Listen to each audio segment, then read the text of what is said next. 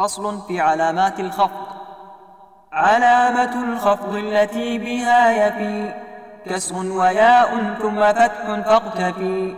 فالخفض بالكسر لمفرد وفاء وجمع تكسير إذا ما انصرفا.